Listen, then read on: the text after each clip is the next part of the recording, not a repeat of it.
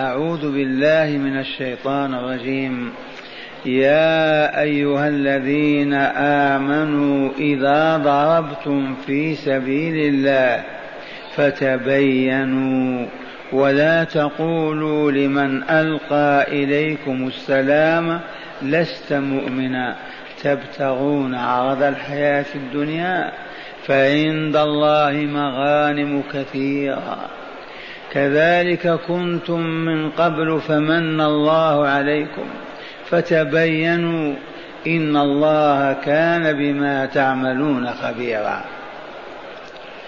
هيا نتغنى بهذا النداء وهو آية واحدة.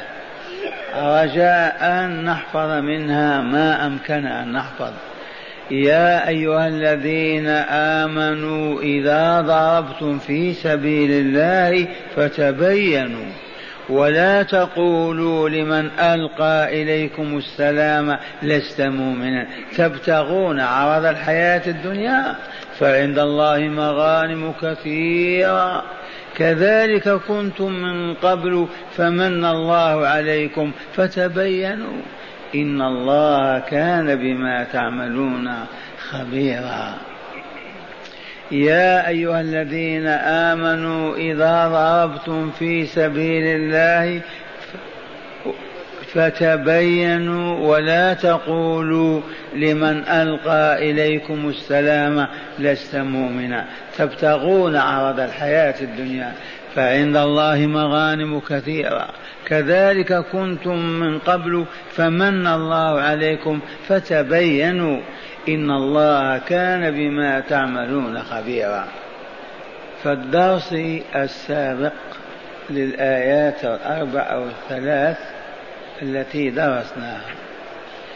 أذكركم بأن المؤمن الحق الصدق لا يتأتى منه قتل امرئ ظلما وعدوانا. المؤمن الحق المؤمن الصدق. ليس من شأنه أن يقتل مؤمنا ظلما وعدوانا. أبدا. ما الدليل يا شيخ؟ قرأنا قول الله تعالى وما كان لمؤمن أن يقتل مؤمنا إلا خطأ. أما عدوانا وعمدا لا أبدا وما كان لمؤمن أن يقتل مؤمنا إلا خطأ. أما عمدا وعدوانا ما يتأتى له ما يستطيع. كيف يقتل مؤمنا ظلما وعدوانا؟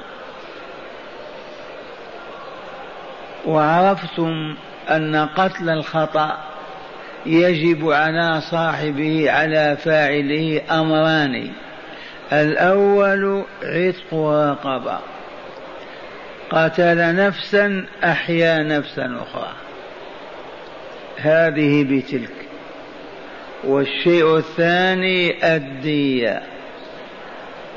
الدية لأولياء المقتول. لأولياء المقتول. الدية هذه عرفنا أنها مئة بعير. عرفنا أنها ألف دينار. اثنى عشر ألف درهم وتقوم بحسب الظروف. وهذه الدية على العاقلة على أقرباء القاتل من أبيه كالأعمام وأبنائهم والإخوان وأولادهم. يساهمون فيها كل بقدره ويسددونها. وعرفنا إن كان بيننا وبين قوم عدا وأحدنا قتل مؤمنا في أولئك القوم ماذا عليه؟ فقط الصيام والعتق فقط فإن عجز عن العتق صام والدية لا تعطى لمن بيننا وبينهم عداء يتقوون بها علينا مرة ثانية ولنتلو الآية أولى. اسمع قوله تعالى وما كان لمؤمن أن يقتل مؤمنا إلا خطأ. ثم قال ومن قتل مؤمنا خطأ فماذا عليه؟ فتحرير رقبة مؤمنة ودية مسلمة إلى أهله إلا أن يصدقوا. إذا تصدقوا وقالوا ما نأخذ لهم ذلك. فإن كان من قوم عدو لكم وهو مؤمن. قوم أعداء لنا والمقتول مؤمن. فماذا يجب؟ فتحرير رقبة مؤمنة. إذا لا دية وإن كان من قوم بينكم وبينهم ميثاق وعهد سلم وعدم حرب فدية مسلمة إلى أهله. فقط إذا كان بيننا وبين أولئك القوم عدا ما نعينهم علينا بالمال. فالقاتل فقط يعتق الرقبة وليس عليه أن يدفع دية أما إذا كان القوم بينه وبينهم معاهدة معاهدة سلم وعدم اعتداء لا بد وأن نعطي الدية. لذلك لأهل المقتول. مؤمنا كان أو كافرا. ثم إذا عجز المرء عن العتق ماذا يصنع؟ يصوم شهرين متتابعين. إما لا وجود للأرقاء والعبيد كما هي الحال الآن. أو وجدوا ولكن عاجز عن شراء آمة أو عبد. ما استطاع. فمن رحمة الله بعباده المؤمنين أنه يعتاض عن العتق بصيام شهرين متتابعين. إذ قال تعالى فمن لم يجد فصيام شهرين متتابعين توبة من الله وكان الله عليما حكيما. هذا هو القتل الخطأ. وقد أشرنا إلى أن القتل الخطأ فيه هذه الكفارة العتق لأن على المؤمن أن يحتاط ويحترس ويتنبه لا يصبح يتخبط فيقتل الناس ويقول ما تعمد. لا بد من الاحتراس الكامل.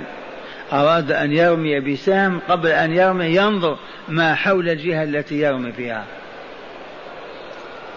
أيما عمل من شأنه أن يوجد مثلا ضررا قبل ما يقوم به يتنبه ينظر هذا ما يسمى بالاحتياط والاحتراس فلما كان وقع منه هذا القتل من ي...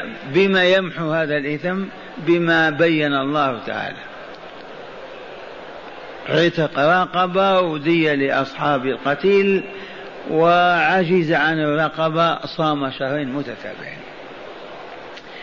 أما القتل العمد العدوان ظلما وعدوان هذا يقول تعالى فيه ومن يقتل مؤمنا متعمدا أي القتل فجزاؤه جهنم خالدا فيها وغضب الله عليه ولعنه وأعد له عذابا عظيما. هذا الذي يعمد إلى مؤمن فيقتل ظلما وعدوانا. إذا ذكرنا الكلمة الأولى نقول هذا لا يفعله إلا كافر. لو كان مؤمنا ما يقدم على هذا. وحينئذ لا نحتاج إلى تأويل. ومن يقتل مؤمنا متعمدا فجزاؤه جهنم خالدا فيها وغضب الله عليه ولعنه وأعد له عذابا عظيما. وقاتل نفسه كقاتل غيره سواء بسواء. لا تقل من قتل نفسه إثمه عليه والمسؤول عليه لأن هذه النفس لله هو مالكها كيف يصح قتلها؟ فالجزاء واحد. واللطيفة التي حفظناها عن عبد الله بن عباس رضي الله عنهما ما ننساها وهي إذا سأله مؤمن قائلا هل على قاتل النفس من توبة؟ هل لقاتل النفس من توبة؟ أتقبل توبة من قتل نفسا عدوانا وظلما؟ يجيبه بما يلي. هل قتلت أنت؟ فإن قال نعم قتلت. قال وما يمنعك من التوبة؟ ومن يحول بينك وبينها؟ والله تواب رحيم. تب يا عبد الله. فيأخذ ذاك المؤمن في البكاء والتوبة والاستغفار وإن قال لا ما قتلت فقط أسأل. يقول له وكيف يتوب من حكم الله عليه بالخلود في جهنم وغضب عليه ولعنه. فهذا المسلك حسن ومن الخير أن نسلكه. ما ننيئس من قتل ونقطع رحمة الله عنه فيزداد في سفك الدماء والقتل والتدمير ولا نبيح ذلك ونقول يتوب. يقوم أحدنا يذبح أخاه ويقول أتوب إلى الله. إذا ومن يقتل مؤمنا متعمدا فجزاؤه جهنم خالدا فيها وغضب الله عليه ولعنه وأعد له عذابا عظيما. وأهل التوحيد إذا ماتوا على التوحيد ودخلوا النار يعيشون أو يخلدون فيها دهرا ثم يخرجون. وصيغة هذا الحكم تقول هذا هو الجزاء. إن شاء الله نفذه وإن شاء عفا. اسمع الصيغة. ومن يقتل مؤمنا متعمدا فجزاؤه ماذا؟ كذا وكذا وكذا. إن شاء الله أخذ ذاك وإلا تركه. فيبقى باب الله مفتوح للمؤمنين. إذا والآن مع هذه الآية الكريمة اسمعوا هذا النداء. يا أيها الذين آمنوا لبيك اللهم لبيك. هل يناديك سيدك ولا تقول لبيك؟ هل يناديك مولاك يا عبد الله ولا تصغي ولا تسمع لما يدعوك إليه؟ الجواب لن يكون هذا أبدا. ودرسنا هذا واستقر في نفوسنا هذا العلم العظيم. وهو أن نداءات الله عز وجل لعباده المؤمنين في القرآن الكريم بلغت تسعين نداء. بلغت تسعين نداء. يا أيها الذين آمنوا ولم يناديهم بعنوان الإيمان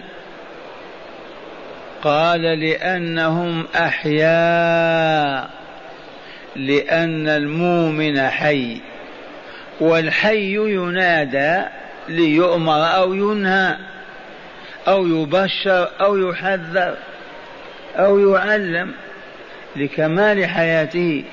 أما الميت تناديه هل يسمع النداء؟ وإن فرضنا سمع يقول لبيك ويطيعك فيما تأمر أو تنهى؟ الجواب لا. يا أيها الذين آمنوا يا معشر الأحياء بإيمانهم.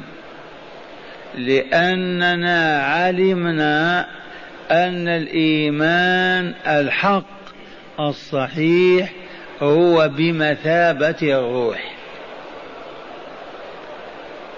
هو مثل الروح. الروح إذا دخلت الجسد. حي الجسد وإلا لا العين تبصر والأذن تسمع واللسان ينطق. وإذا فارقته يسمع يجيب مات. فالمؤمنون بصدق أحياء.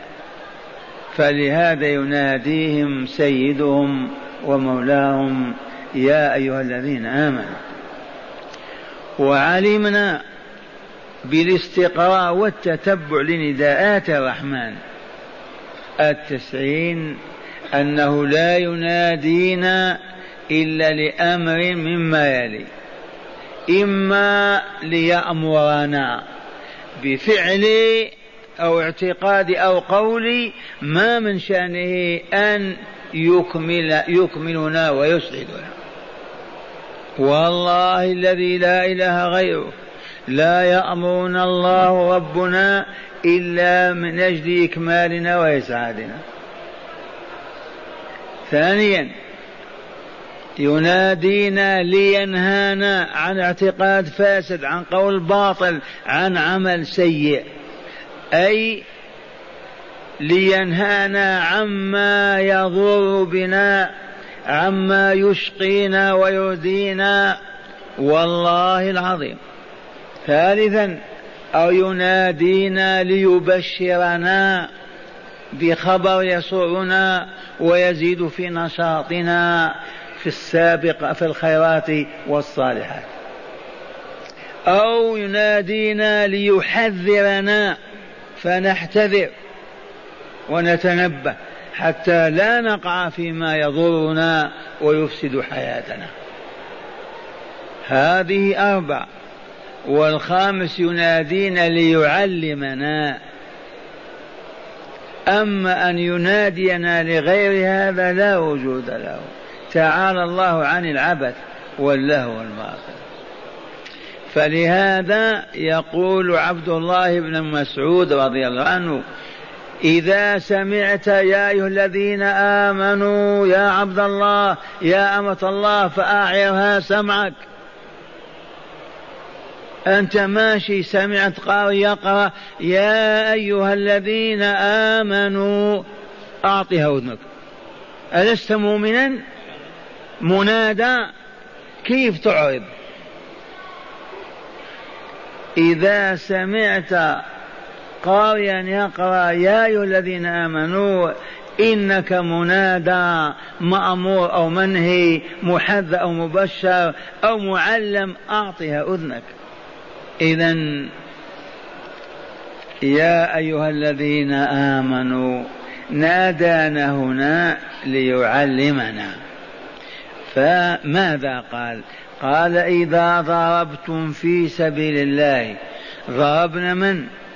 إخواننا أو نساءنا ضربنا الأرض بأرجلنا. ضربنا الأرض بأرجلنا. أليس الضرب هكذا؟ والذي يمشي على الأرض ما هو يضرب فيها؟ برجليه ولا لا؟ إذا ضربتم مشيتم على الأرض في سبيلنا. أما مشيتم إلى باطل أو إلى له أو إلى كذا ذاك ليس لنا. فقط إذا ضربتم في الأرض إذا ضربتم في سبيل الله. وسبيل الله الطريق الموصل إلى رضاه وجواره بعد الموت. وهو إيمان بمثابة الروح ومأمورات عن جانب اليمين ومنهيات عن جانب الشمال وأنت ماشي مواصل سيرك إلى باب الجنة. إيمان طاقة دافعة. ماشي عبد الله أو أمة الله في الطريق. عن يمينه الواجبات. يجب أن ينهض بها ولا يتخلى عن واحد منها في حدود طاقته البشرية. وعن يساره منهيات محرمات. لا يلتفت إليها ولا يمس منها شيئا أو يقربه منها. ويواصل مشيه ينتهي بانتهاء عمره. عشرين عام خمسين مئة ثمانين هذا هو الصراط. إذا ضربتم في سبيل الله يعني إذا مشيتم على الأرض غزاة مجاهدين. ماشون لغزو قبيلة من القبائل أو بلد من البلاد أيام الجهاد.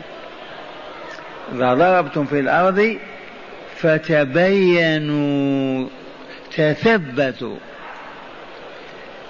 ماذا نتبين مررنا برجل قال السلام عليكم أو قال لا إله إلا الله محمد رسول الله. فلا نقول هذا ما قاله إلا من الخوف. خاف فقط على نفسه أو ماله قال السلام عليكم ونقتله. أو قال لا إله إلا الله لعلمه أنها تدخل صاحبها في الإسلام فقال حتى ما يؤخذ مال ولا يقتل.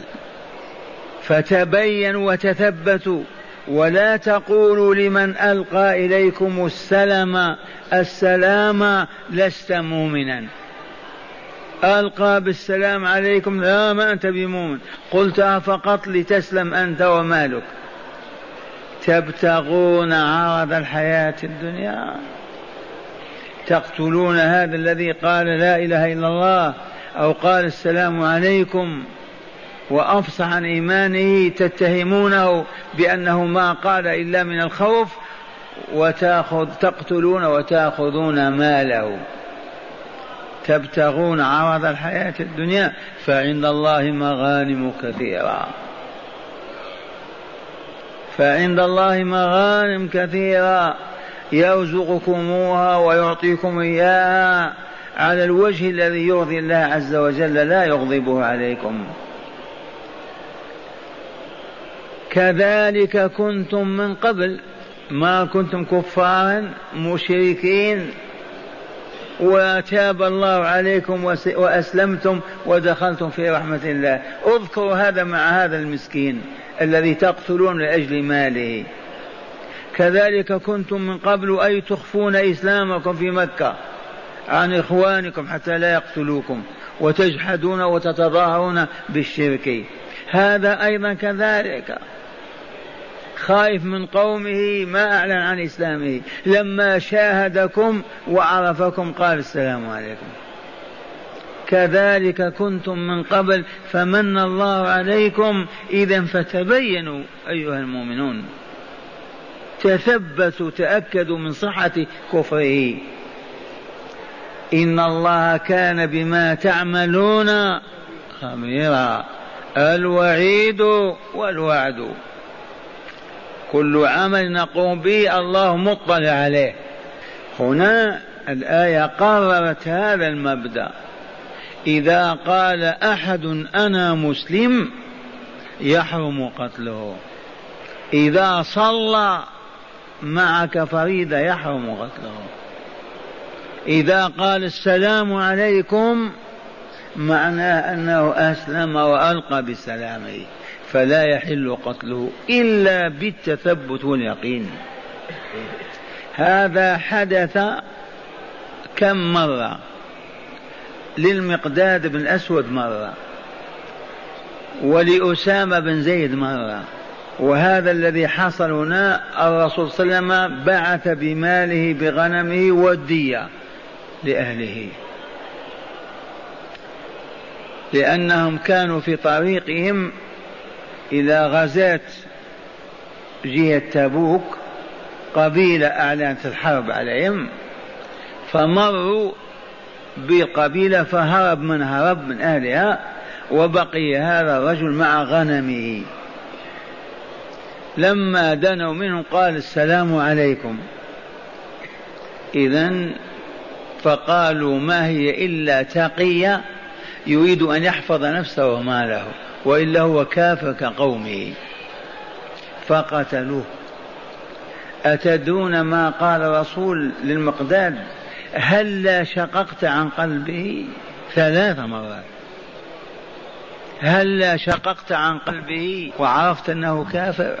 وإذا عرفنا هذا فما بال إخوانكم الذين يكفر بعضهم بعضا.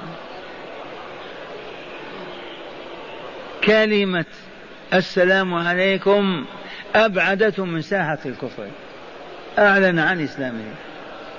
فلو أن كافرا من النصارى أو غيرهم أو اليهود دخل وصلى علي معنا نقول مسلم. ولو ما نطق بالشهادتين. لو أن كافرا قال لا إله إلا الله محمد رسول الله اعتبرناه مسلما ويحرم قتله وأذاه بحال من الأحوال. ولن نتأمل قوله تعالى كذلك كنتم من قبله كنتم جهالا ولا تعرفون شيئا. ثم علمكم الله عز وجل وعرفكم. فهذا الجاهل أيضا تنسبون إلى الكفر وتكفرونه. اذكروا فضل الله عليكم حتى ترحموا هذا العبد. إذا يا أيها الذين آمنوا إذا ضربتم في سبيل الله ولنذكر أن سبل الله كثيرة وهي سبيل واحدة. الذي ضرب الأرض يطلب العلم. أليس في سبيل الله؟ ضرب الأرض حاجة معتمرا أليس في سبيل الله؟ ضرب العمر ضرب الأرض برجليه يزور مؤمنا. أليس في سبيل الله؟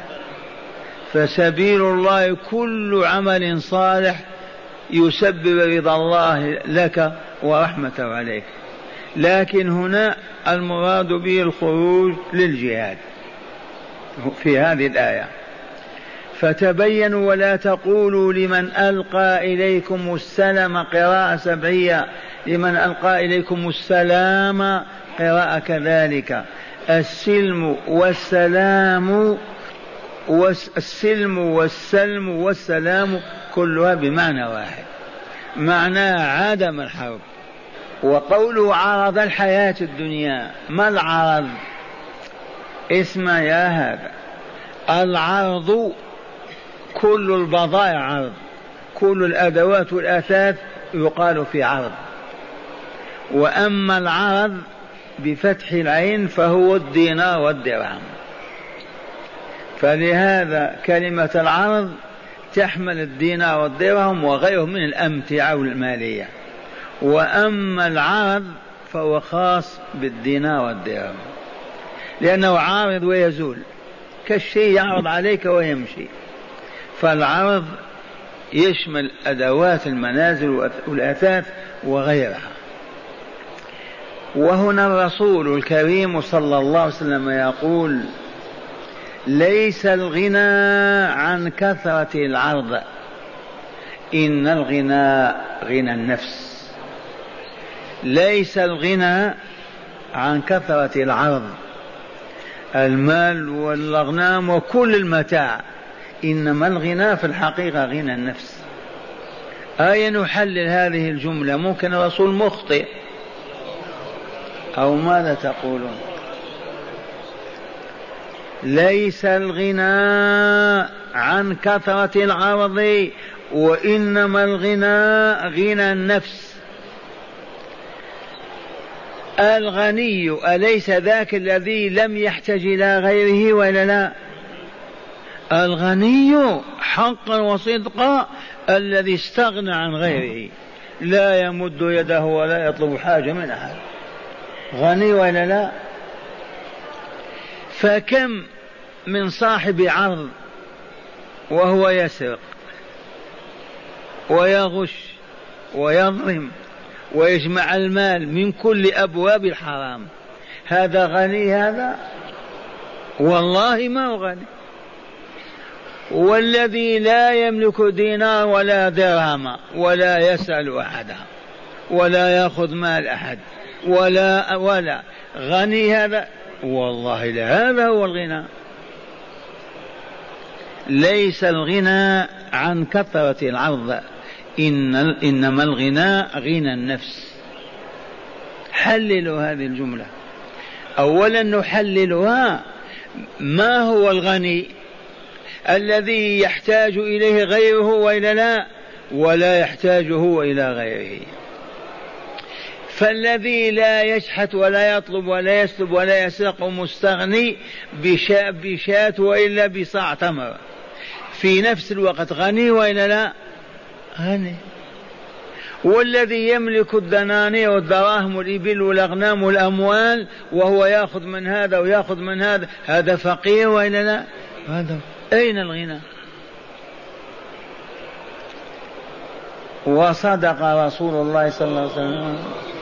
ليس الغنى عن كثرة العرض إنما الغنى غنى النفس. إذا تبتغون عرض الحياة الدنيا فعند الله مغانم كثيرة. ما هو مغنم واحد. اقرعوا باب الله عز وجل واطلبوا الغنى منه تبارك وتعالى. إذا فتثبتوا من هذا الرجل حتى تتيقنوا أنه كافر مشرك أو ملحد. فاقتلوه وخذوا المال وأنتم في الجهاد. وهذه القضية خاصة في حال الحرب وإلا لا الذين بيننا وبينهم معاهدة يجوز قتل أحد منهم؟ تقدم هذا. والذين عاهدناهم لا يجوز قتل أحدهم.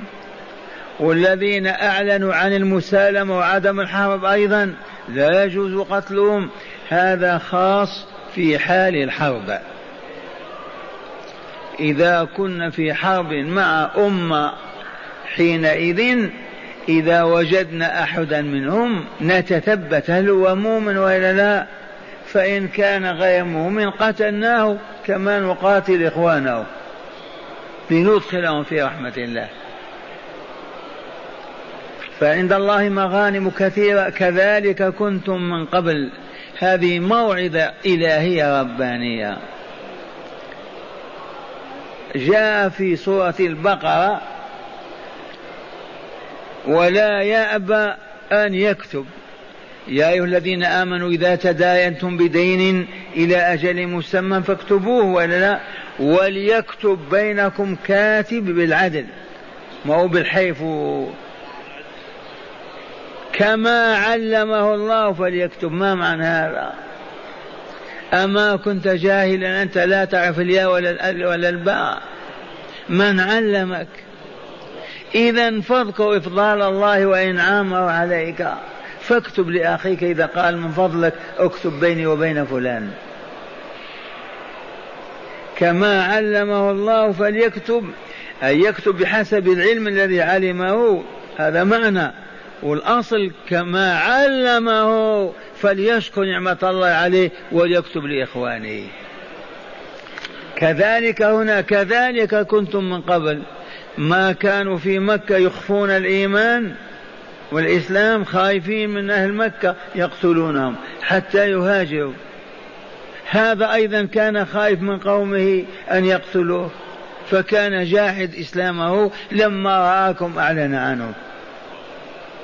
كذلك كنتم من قبل كفر مشركين وقد تاب الله عليكم وهداكم وعلمكم. هذا أخوكم أيضا يتوب الله عليه ويهديه ويعلمه. هذه الآداب القرآنية. كذلك كنتم من قبل فمن الله عليكم بنعمة الإيمان والإسلام والعلم والمعرفة. فتبينوا إذا قبل أن تقتلوا إن الله كان بما تعملون خبيرا. كان وما زال هذه صفاته الدائمة معه. كان بما تعم... إن الله كان بما تعملون من خير أو غير. لفظ عام يا عباد الله احذروا الله. لا تفهم أنك تعمل أو تتكلم وأنت خال ليس معك أحد. والله ما من حركة نتحركها إلا والله يراها ويعلمها. فإذا امتلأ قلب العبد بمراقبة الرب عز عليه بل صعب أن يخرج عن طاعة الله ورسوله. وإذا غفل نسي وما يدري أن الله معه يسمعه ويراه يقع في المهاوي والمفاسد ولا يشعر. ولهذا لما ذكر تعالى أدوات الحفاظ على زكاة الروح وطهارتها إذ قال تعالى أتل ما أوحي إليك من الكتاب. بالليل والنهار بالتدبر والتفاهم واستنباط المعاني واستخراج الهداية القرآنية. هذا من أكبر عوامل الإبقاء على نور الإيمان في النفس.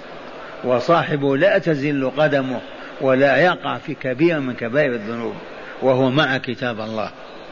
ثانيا وأقم الصلاة. فالذي يقيم الصلاة كما بينها رسول الله يؤديها على الوجه الذي بين رسول الله.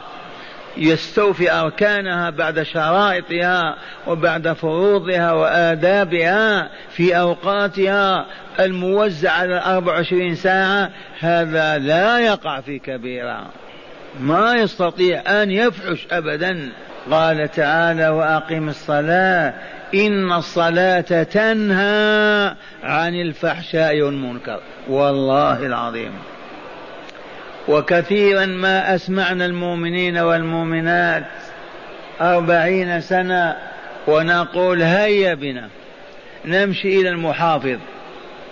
مدير الشرطة. يا سيد أعطينا قائمة بالمجرمين في هذا الشهر. الذين سرقوا ضربوا قتلوا كذا. الجرائم.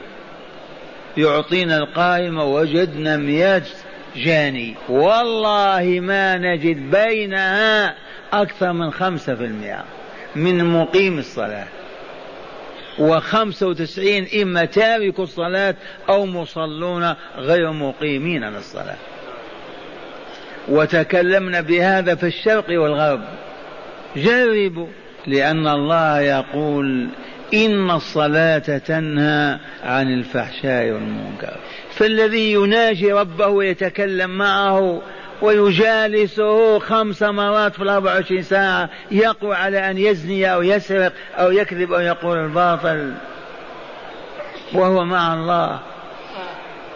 أما يصلي صلاة لا خشوع فيها ولا ذكرى ولا معرفة ولا يطمئن صلاة ما تنتج شيئا.